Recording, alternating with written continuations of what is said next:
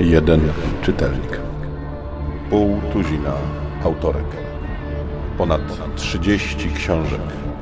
Największy quest fantazy drugiej dekady XXI wieku. Godaj ponownie wkracza do świata czarów. W odcinkach poprzednich, kiedy no tak już trochę triumfalnie po przeczytaniu 18 bodajże powieści ogłaszałem zamknięcie cykli Estkarp i Hajhalak, popełniłem błąd. Błąd, który w opisie już skorygowałem, ale nie naprawiałem tego w odcinku, bo kiedy się zorientowałem, to już było późno. Błąd ten polegał na tym, że magiczny kamień nie należy wcale do cyklu Estkarp, tylko do cyklu Wielkie Poruszenie, a konkretnie do jego podcyklu Kroniki Świata Czarownic. Natomiast pominąłem przy czytaniu niewydaną w Polsce książkę Lynn McConchie Song. Błąd ten mógłbym bardzo łatwo zwalić na polską Wikipedię, bo stamtąd wziąłem chronologię e, wewnętrzną podcykli Świata Czarownic, ale no, jakkolwiek wygodne i bardzo byłoby to wiarygodne, to e, nie mogę tego zrobić, ponieważ tę błędną chronologię ja na polskiej Wikipedii umieściłem sam. Potem dopiero doczytałem, że się kropnąłem, poprawiłem to. I tak jak mówiłem, omawiając Duke's Ballad, Chara's Song jest e, tomem bezpośrednio poprzedzającym Duke's Ballad bardzo bezpośrednio i wiąże się z tym tomem w sposób bardzo mocny, o czym za chwilę. A najpierw powiem, że książka ta mnie trochę rozczarowała.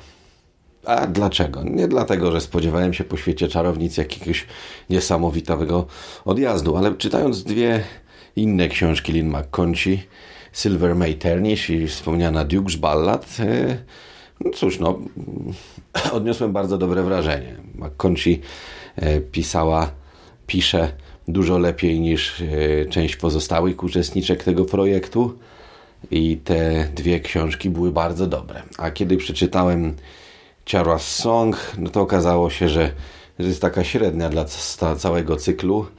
Powiedziałbym jakieś późne hajhalaki, albo jakieś dożynki ze score, albo coś takiego. Ogólnie rzecz biorąc, mm, poniżej jej poziomu. W pierwszej chwili nie wiedziałem o co chodzi, a potem dopiero zorientowałem się, patrząc na daty wydania. Zarówno Silver Maternish, jak i e, Duke's Ballad zostały wydane w roku 2005. Ciara's Song wyszła, o ile się nie mylę, w 97 lub 8. Oznacza to, że McConchy cóż, miała kilka lat, żeby popracować nad warsztatem i nad wszystkim. I rzeczywiście to widać, że ten krok do przodu zrobiła. Ciara's Song zaczyna się w momencie wypędzenia starej rasy z Karstenu. Rządzi tam książę Iwian, który próbował poprzez e, małżeństwo takie oficjalne związać się z, e, z a konkretnie próbował poślubić Lois, która cóż uciekła wybierając Korisa z Gormu. Straszna sromota. E, ostatecznie Iwian przypłacił to i parę innych błędów tronem. Ale nie o to chodzi. E, wypędzenie starej rasy, horning of the old race, jest to w oryginale, polegające na trzykrotnym odtrąbieniu ich e, jako banitów, sprawiło, że cała rodzina Ciary zginęła. W dużej mierze na jej oczach dziewczynce udało się e, zresztą z pomocą matki ukryć w pobliskiej jaskini, skąd wydobył ją miejscowy szlachcic Lord Tarnur wraz ze swoim synem Trowagiem niewiele starszym od ciary. Zabrali ją do siebie i chowali jak swoją. Ciara dorastała. W Karstenie zmieniali się władcy. Nadszedł książę Pagar, którego dobrze znamy, który zjednoczył cały Karsten i pomaszerował na północ na Estkarp.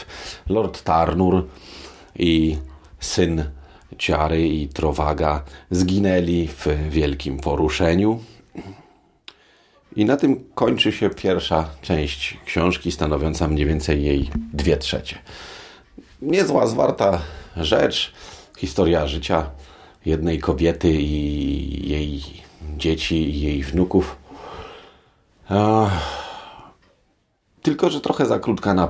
W związku z tym McConchie dopisała tam dalszą część, e, która dotyczy wnucząt Siary, Aisling, Kilana i Kiriona. Jeżeli ktoś uważnie słuchał podcastu dotyczącego Duke's Ballad, no to generalnie rzecz biorąc rozgrywają się tam wszystkie wydarzenia, o których dowiadujemy się z tamtej powieści, gdzieś tam z narracji, dlaczego Kirion zły był, czemu Aisling do Eskor uciekać musiała i ogólnie rzecz biorąc część ta po pierwsze w książce nie jest, nie jest do końca potrzebna. Ona raczej powinna zostać rozbudowana i trafić y, do osobnej powieści, a może powinna zostać zintegrowana w jakiś sposób z Duke's Ballad, albo może sam nie wiem. W każdym razie mamy jakby dwie rzeczy w tej książce i one e, owszem, gdzieś tam współgrają, niby jest to dalszy ciąg, ale w pewnym momencie ciara przestaje się liczyć, zaczynają się liczyć jej wnuczęta. Taki przeskok, nie wychodzi to zbyt dobrze. A w dodatku na końcu, jak już Aisling e, dociera no, cudem do Eskor, bo prawie zamarza w górach z tym swoim e, przerośniętym kotem, jak to zawsze bywa w górach, kiedy człowiek jest bliski śmierci, to się okazuje, że akurat gdzieś tam w jakiejś jamie jest brama. No i ona przechodzi przez tą bramę i nagle pojawia się nikt inny jak Niwor. Niwor, który pojawia się zupełnie z dupy we wszystkich światach świata czarownic, a to wyskoczy na pustkowiu, kiedy Kerowan próbuje z kimś walczyć, a to wyskoczy ni stąd, ni zowąd na granicy z Arwonem. Teraz okazuje się, że nie tylko zna Gryfa, ale sądząc po tym, czego dowiadujemy się z, Duke Ballad, z Duke's Ballad, zna również e, samego wielkiego adepta Hilariona. Ale to już jest tylko moje domniemanie i wyzłośliwiam się. Najgłówniej rzecz biorąc jest to najsłabsza z trzech książek Lynn McConchie napisanych w świecie czarownic, ale ponieważ tak jak mówiłem, była to jej pierwsza książka napisana w tym świecie, to e, pewne takie tam warsztatowe, konstrukcyjne rzeczy można wybaczyć. I tak e, trzeba przyznać szczerze, że Ciara Song lepsza jest od e, co najmniej kilku innych powieści ze świata czarownic, w tym również od co najmniej kilku napisanych przez samą Andrę Norton. I na tym, jak sądzę, udało mi się ostatecznie zamknąć cykl Estkarp.